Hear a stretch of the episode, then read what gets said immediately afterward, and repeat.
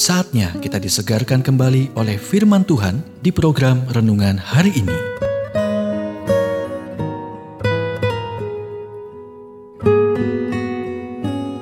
Renungan hari ini berjudul Berdoa untuk Kebijaksanaan bagian yang pertama. Nats firman Tuhan diambil dari 1 Tawarik 12 ayat 32. Orang-orang yang mempunyai pengertian tentang saat-saat yang baik.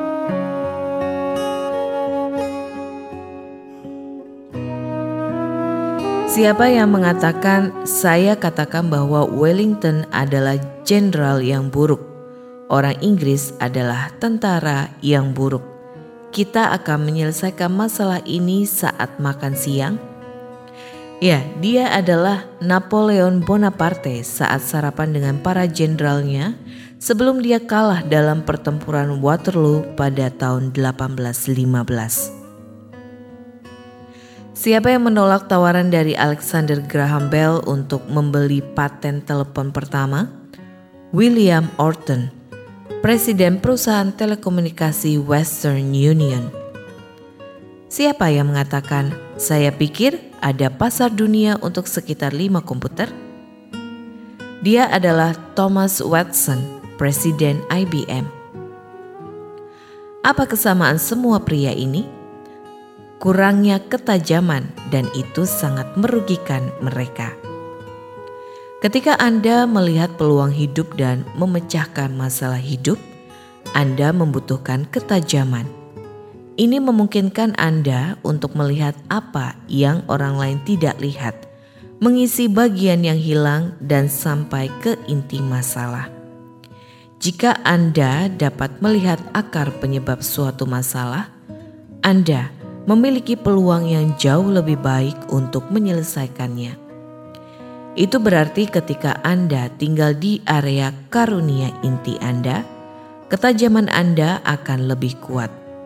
Jadi, jika Anda ingin memanfaatkan potensi kearifan, bekerjalah dari area kekuatan Anda.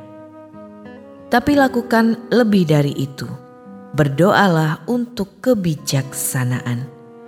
Itu adalah salah satu dari sembilan karunia roh yang dijanjikan kepada kita dalam kitab suci. 1 Korintus 12 ayat 7 sampai 10. Beberapa kemenangan terbesar Israel diraih ketika Daud menjadi raja.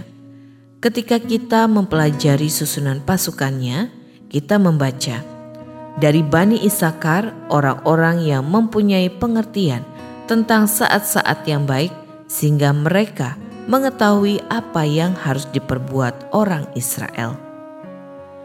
Kebijaksanaan memungkinkan Anda untuk melihat pintu kesempatan di mana orang lain hanya melihat dinding bata.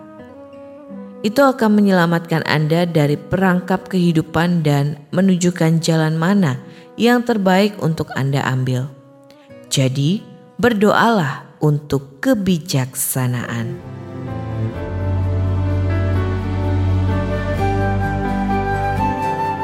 Kita telah mendengarkan renungan hari ini. Kiranya renungan hari ini terus mengarahkan kita mendekat kepada Sang Juru Selamat, serta menjadikan kita bertumbuh dan berakar di dalam Kristus. Renungan hari ini tersedia dalam bentuk buku maupun digital dan bisa Anda miliki dengan menghubungi Japri di WhatsApp 0812 8784 7210 atau email ke infoapripusat@gmail.com. Tuhan memberkati.